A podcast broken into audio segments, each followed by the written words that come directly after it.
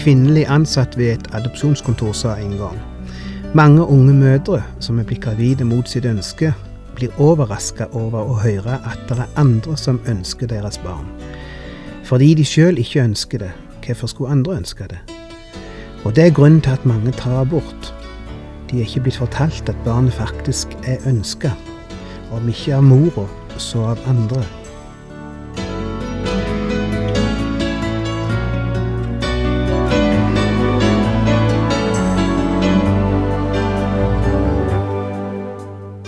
Velkommen til et nytt program i serien Vindu mot livet, basert på programserien Insight for living med Chuck Svindal.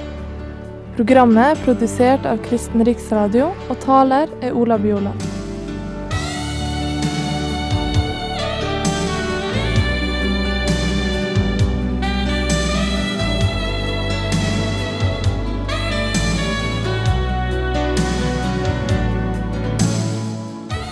Et av de temaene som det har vært heita strid om de siste åra, for ikke å si tiåra, er abortspørsmålet.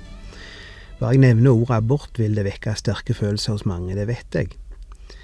Jeg ser det her med et brev framfor meg, et av mange som behandler dette temaet. Og jeg har lyst til å lese et utdrag av dette brevet til å begynne med i dag. Egentlig handler ikke dette programmet om abort, det handler om det motsatte av abort, hadde jeg nesten sagt. Eller iallfall et alternativ til abort, nemlig adopsjon. Og jeg vet òg det vil si at mange følelser i gang, dette òg, men jeg får ta den sjansen. For vi har nemlig noen nydelige historier i Bibelen om nettopp adopsjon, som vi skal se på i de følgende programmene. Men som en bakgrunn for dette har jeg lyst til å lese litt ifra et av de mange brev jeg har fått ifra mennesker som har tatt abort. Jeg skal ikke si et ord i dag for eller imot abort, jeg skal bare sitere fra en som sjøl har gjennomgått det nylig. Ei side ved saken som ikke kommer fram så ofte i den offentlige debatt. Brevet begynner slik. Hei, jeg satt og hørte på programmet Vindu mot livet. Det handlet blant annet om David som mistet barnet sitt. Og så forteller den unge jenta litt om livet sitt. Hun har aldri vært kristen, men har trodd på Gud, som hun sier. Hun har vært øh, for fri abort, skriver hun. Og så skjedde det at hun ble gravid etter en av de tilfeldige forbindelsene hun hadde hatt. Hun skriver blant annet Jeg ble gravid. Dette torde jeg ikke fortelle til andre enn legen min, og jeg fant ut at abort var den eneste løsningen. Tiden fram til inngrepet gikk med til å tenke på de praktiske sidene av problemet. I ettertid forstår jeg at jeg må ha fortrengt de andre tankene, så nå sitter jeg her full av anger. Først nå begynner det å gå opp for meg hva jeg har gjort. Borte er en liten spire som kunne ha blitt et menneske. Borte for all evig tid. Det gjør så ufattelig vondt å tenke på det. Spørsmålene kverner rundt i hodet. Hvorfor sa jeg ikke noe til noen at jeg, at jeg var gravid? Hvorfor var jeg så feig? Hvilken rett hadde jeg til å ta bort et liv? Hvorfor ble jeg gitt den retten?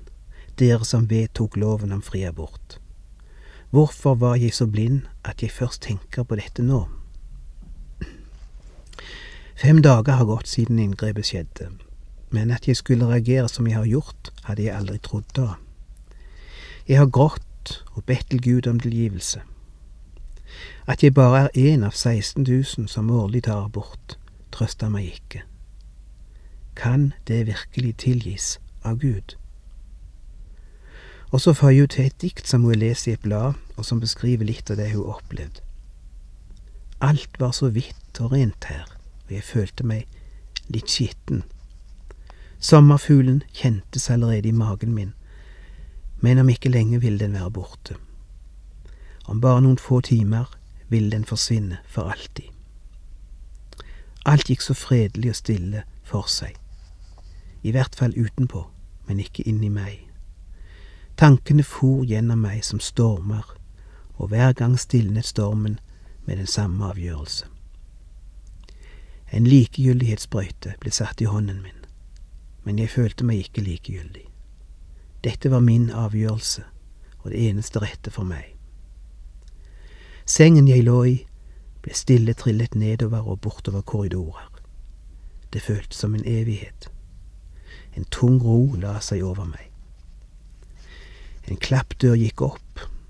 Den klappet fram og tilbake noen ganger før den stoppet. En sykepleier, en plastpose og en bossdunk. Smerten for gjennom meg. Nei, tenkte jeg i et tvilens øyeblikk. Klappdøren gikk opp, og jeg ble trillet inn. En sprøytespiss traff hånden, så var jeg borte. Jeg våknet noen timer senere. Den lille sommerfuglen som vokste i meg, var borte. Fjernet fra meg raskt, så enkelt, for all evig tid. Ett liv mindre. Jeg skal ikke kommentere disse utdragene fra dette brevet. De taler for seg sjøl. Jeg takker denne jenta, som i likhet med mange andre har sett ord på sine følelser, på en så klar og modig måte, som har delt sin frustrasjon med oss på en så ærlig måte. Og jeg håper ikke dette sitatet skal gjøre det vanskeligere for de som har gjennomgått det samme. Det var ikke hensikten. Tvert om ønsker jeg at mange mennesker som plages av skyld og angst og tomhet, kunne fått frimodighet til å dele sine følelser med noen, slik denne jenta har gjort. Få de ut. For da kan en ta de med til Han som er den eneste som kan helbrede de vonde følelsene. Han som er villig til å tilgi. Stryke over det vonde. Ta det bort. For av dette fins det tilgivelse for oss Gud. Det gjør det. Hør hvor fantastisk Johannes uttrykker det. Dersom vi bekjenner våre synder, er Han trofast og rettferdig, så Han forlater syndene våre og renser oss fra all urettferdighet. Ja, det står all urettferdighet. Det var i grunnen ikke det jeg skulle snakke om i dag. Jeg tok fram dette eksempel som bakgrunn for det vi skal snakke om. For det finnes et alternativ for de som ikke ser seg i stand til å ta seg av sitt barn. Et alternativ som altfor sjelden blir nevnt. Og jeg vet inderlig vel at det er ikke noe enkelt alternativ, og at det finnes mange vanskelige spørsmål og problem også knytta til dette. Vær så snill å ikke oppfatte dette som noe lett, lettvint forslag som liksom skulle passe for alle, men det kunne tenkes at en og annen kunne gi det en tanke. For Bibelen har eksempel på det som vi i dag kaller adopsjon, og mennesker som ikke var i stand til å ta vare på sine barn, og andre mennesker som kom inn og tok på seg oppgaven. Og har eksempel på hvor nydelig slike skjebner kunne utvikle seg, og hvor mye bedre alternativ det var for mange å bli adoptert enn å bli abortert. Og vi kan jo spørre, hvis du ville valgt, hvis du kunne få velge mens du var et foster, enten å ikke bli født, eller å bli født og få vokse opp i en heim som tok ansvaret for å gi deg en god oppvekst og en real sjanse i livet, hva ville du valgt? Jeg det med noen gamle statistikker framfor meg. Dessverre har jeg ingen ferskere for hånden. Jeg vet det er ferskere tall, jeg har de bare ikke akkurat her nå, men jeg har en statistikk fra USA fra 1980 som viser at det ble tatt en og en halv million aborter der det året. En og en halv million svangerskap som ble avbrutt legalt. Og i tillegg har vi de mange illegale svangerskapsavbrytelser. Samtidig som disse halvannen million mennesker ikke fikk sjansen til å prøve livet, blir lister av barnløse foreldre som ønsker å ta seg av noen av disse, lenger og lenger. Chuck Swindal forteller For flere år siden, da våre barn fortsatt var små, var kona mi og jeg involvert i et arbeid der vi åpna vår heim for unge, ugifte jenter som var gravide. De var hos oss, og vi gjorde alt vi kunne for å legge det til rette for dem, slik at de kunne bære fram sine barn. I noen av tilfellene der mora sjøl yngste det, var vi med å formidle kontakt med barnløse ektepar som overalt i livet ønsket seg et barn å elske, og å gi sitt liv og sin tid til. Og vi har opplevd gang på gang det ubeskrivelige øyeblikk når et barn blir født, og hvor mye mer meningsfullt det, kan være for ei mor, sjøl om hun ikke føler seg i stand til å ta seg av barnet sjøl. Å få bære det fram og overlate det til noen hun vet vil gi det et godt liv. Hvor mye mer meningsfullt det er enn det å gå gjennom en operasjon der barnet bare blir fjerna. Jeg sier ikke at en adopsjon er lett, men heller ikke en abort er lett. De som prøver å innbille ei gravid kvinne det, de lyver. For såra og skylda og sjølbebreidelsen og tomheten etter en abort kan være mye tøffere å leve med enn vissheten om at jeg lot barnet få leve, og jeg gjorde mitt for at andre skulle gi det den gode oppvekst som jeg sjøl ikke var i stand til å gi det. De vanskelighetene og komplikasjonene. Jeg har sett i forbindelse med en adopsjon, er ingenting i forhold til de komplikasjonene jeg har sett i forbindelse med mange aborter. Et adopsjonskontor forteller at det får i gjennomsnitt tolv henvendelser per dag ifra mennesker som ønsker å adoptere et barn, mens de kun er i stand til å skaffe 100 barn i året til disse heimene, altså ett hver tredje eller fjerde dag. Bare en bitte liten prosent får altså oppfylt sitt ønske om å få et barn. Og så er det altså titusener av barn hvert år som ikke får sjansen til å prøve et slikt liv en gang, som gode fosterforeldre kunne ha gitt dem. En kvinnelig ansatt ved et adopsjonskontor sa en gang mange unge mødre som er blitt gravide mot sitt ønske, blir overraska over å høre at det er andre som ønsker deres barn. Fordi de sjøl ikke ønsker det, hvorfor skulle andre ønske det? Og det er grunnen til at mange tar abort. De er ikke blitt fortalt at barnet faktisk er ønska, om ikke av mora, så av andre. Jeg tror det ville overraske mange å vite hvor mange av de nydelige menneskene det møter i løpet av en dag, som faktisk er adoptivbarn. De hadde kanskje ingen forutsetninger for å få et godt liv, slik mora så det, eller faren, men de fikk likevel et fantastisk liv fordi det faktisk var noen som ønsket dem. La oss se litt på noen avsnitt i Bibelen som taler om adopsjon. Neste gang skal vi se på en adopsjonshistorie i Det gamle sementet. I dag skal vi se på et par avsnitt i Nytestamentet som faktisk taler om adopsjon. Begynner med å slå opp i Romerbrevet 8, og begynner med å lese vers 1. Et kjent avsnitt. Så er det da ingen fordømmelse for den som er i Kristus Jesus. Det er en god plass å begynne, forresten, for deg som bærer på skyld. Hvis du kommer til Jesus med det, så vil du aldri høre Gud si et eneste fordømmende ord. Aldri. Ingen fordømmelse. Er ikke det noe å ta med seg? Men så skal vi hoppe til vers 14, for der det, no, står det noe om at vi er Guds barn. Alle som drives av Guds ånd, de er Guds barn. Hvordan går det til at et menneske blir Guds barn? At jeg som er født i synd og født av synd, kan bli Guds barn. Vet du hvordan det skjer? Det skjer ved en adopsjon. Vers 15. Dere har ikke fått trelldommens ånd, så dere igjen skulle være redde. Dere har fått barnekårets ånd, som gjør at vi roper Abba, far. Barnekårets ånd. Noen engelske bibler har rett og slett oversatt det med adopsjonens ånd. Og Paulus bruker den mest intime betegnelse på sin adoptivfar, som et barn bruker overfor sin far. Abba, far. Noen oversatte med pappa. Det er det mine barn kaller meg, forresten, og det gir uttrykk for nærhet tillit, trygghet, kjærlighet. Jeg elsker det ordet.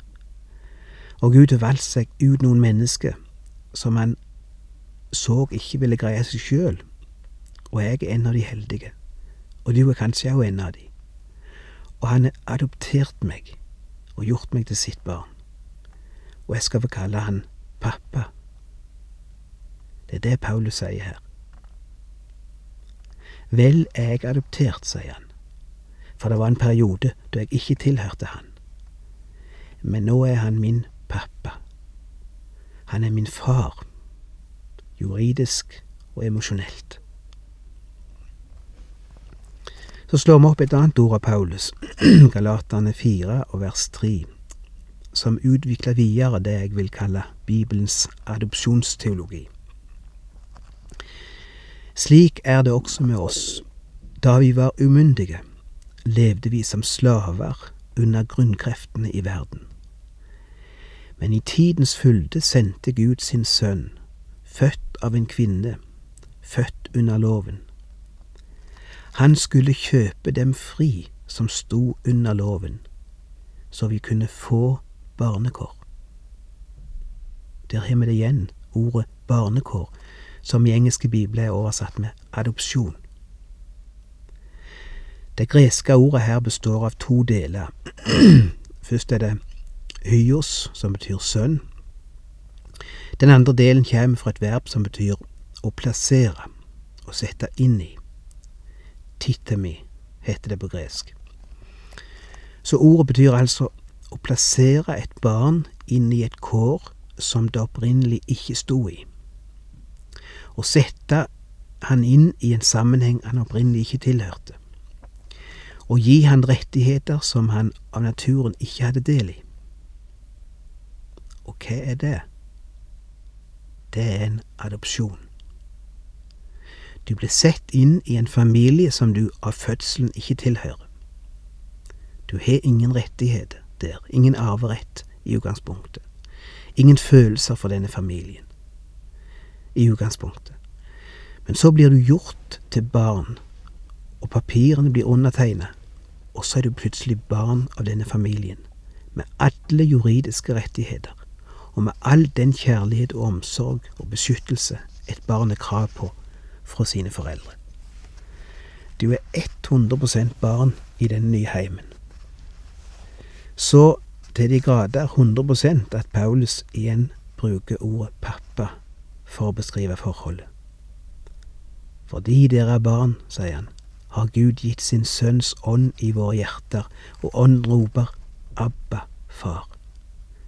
Derfor er du ikke lenger slave, men sønn. Og er du sønn, er du også arving, innsatt av Gud. Du ser, Gud har allerede et barn, en sønn, en biologisk sønn av samme kjøtt og blod som han. Det er Jesus. Men han ville ha flere. Derfor adopterte han noen. Og du er kanskje en av de han adopterte. Og du må ikke tro at hans adoptivbarn har noen annenrangsplass hos han. Nei, de blir gjort til 100 barn, med arverett og det hele. Og Gud utauser sine følelser over sine adopterte barn, på lik linje med de følelsene han har overfor sitt biologiske barn. Vi skal få rope pappa. Vi skal få føle oss like mye som barn, og like ekte barn, som den som blei født i huset. Han elsker deg, og han elsker meg som han elsker sin egen sønn. Det er det Paulus sier. Jeg har fått retten til å kalle han min far. Han er det, og han elsker meg. Han har utvalgt meg, adoptert meg. En har sagt det slik, når et foreldrepar får et barn ved fødsel, så har de ikke anledning til å velge, de må ta det som kommer. Men jeg, som er adoptivsønn, jeg er valgt. De kunne valgt en annen, men de valgte meg. Jeg føler meg nesten privilegert som får være adoptivbarn, fordi jeg, til forskjell for de såkalt ekte barn, jeg er valgt ut. Vi har bare begynt på dette temaet og skal fortsette neste gang, men før jeg slutter, har jeg lyst til å dele med dere en adopsjonshistorie. For mange år siden kom det gående en liten avisgutt nedover gaten, en barnehjemsgutt, og han gikk forbi en nydelig villa. Den store plenen foran villaen var så grønn og forlokkende, og huset var så fint. Gutten sto og betraktet dette nydelige hjemmet en stund, med store, runde, lengselsfulle øyne. Etter en stund gikk han bort til inngangsdøren og ringte på dørklokken. Den rike huseieren åpnet døren og så ned på den forskremte, fattige gutten. Og han visste ikke riktig hva han skulle si der han sto på trappen med avisbunken under armen, men stammet til slutt fram. Mister, har du en liten gutt her i huset? Mr. Lowery, som mannen het, så forbauset ned på ham og svarte vennlig. Nei, mitt barn. Fru Lowry og jeg har ingen barn. Gutten svarte, jeg skulle gjerne betalt alt jeg eide hvis jeg kunne bli deres gutt og springe og leke i denne nydelige store hagen, og ingen kunne komme og hente meg tilbake til barnehjemmet. Mannen sto målløs en stund. Så ropte han på kona og ba henne komme ned. Den fine fruen kom ned med den flotte trappen fra andre etasje og ble stående ved siden av sin mann, og han spurte henne, Kjære, ville du likt å hatt en liten gutt? Og hun svarte, Å ja. Og mannen vendte seg igjen til gutten. Kom inn, barnet mitt, kom inn. Og det første gutten gjorde etter å ha kommet inn i den nydelige heimen, var å holde sitt løfte. Han stakk hånden i lommen og tok opp noen slanter han hadde tjent på avissalget, og holdt dem opp foran mannen og sa, Mister, dette er alt jeg har. Men mannen tok den vesle guttens hånd og lukket den rundt pengeslanten og sa, Sønn, du beholder dem selv, for jeg har mer enn nok både for deg og meg. Og han tok gutten inn i sitt hjem og adopterte ham som sin sønn. Denne vesle gutten med 13 cent i lommen som ikke engang ville halde til å betale straumen som gikk til for å ringe på dørklokka etter dagens priser. Jeg vet ikke om historien er sann, muligens er den det, og at det kunne gå an på den tida. Men samtidig vet jeg at den er sann, for den illustrerer akkurat det som skjedde da du og jeg ble adoptert av Gud og ble hans barn. Og pengene vi hadde i lommen, ville ikke engang betalt straumen til dørklokka, hvis vi skal holde oss i bildet. Kjære lytter, der fins noen nydelige historier om adopsjon i Bibelen og i virkeligheten. En av de er den vi sjøl er en del av. Men det er flere, og vi skal se på en ny slik historie neste gang. Skjønt ny er den vel ikke, den er eldgammel. Men kanskje ny for noen av dere.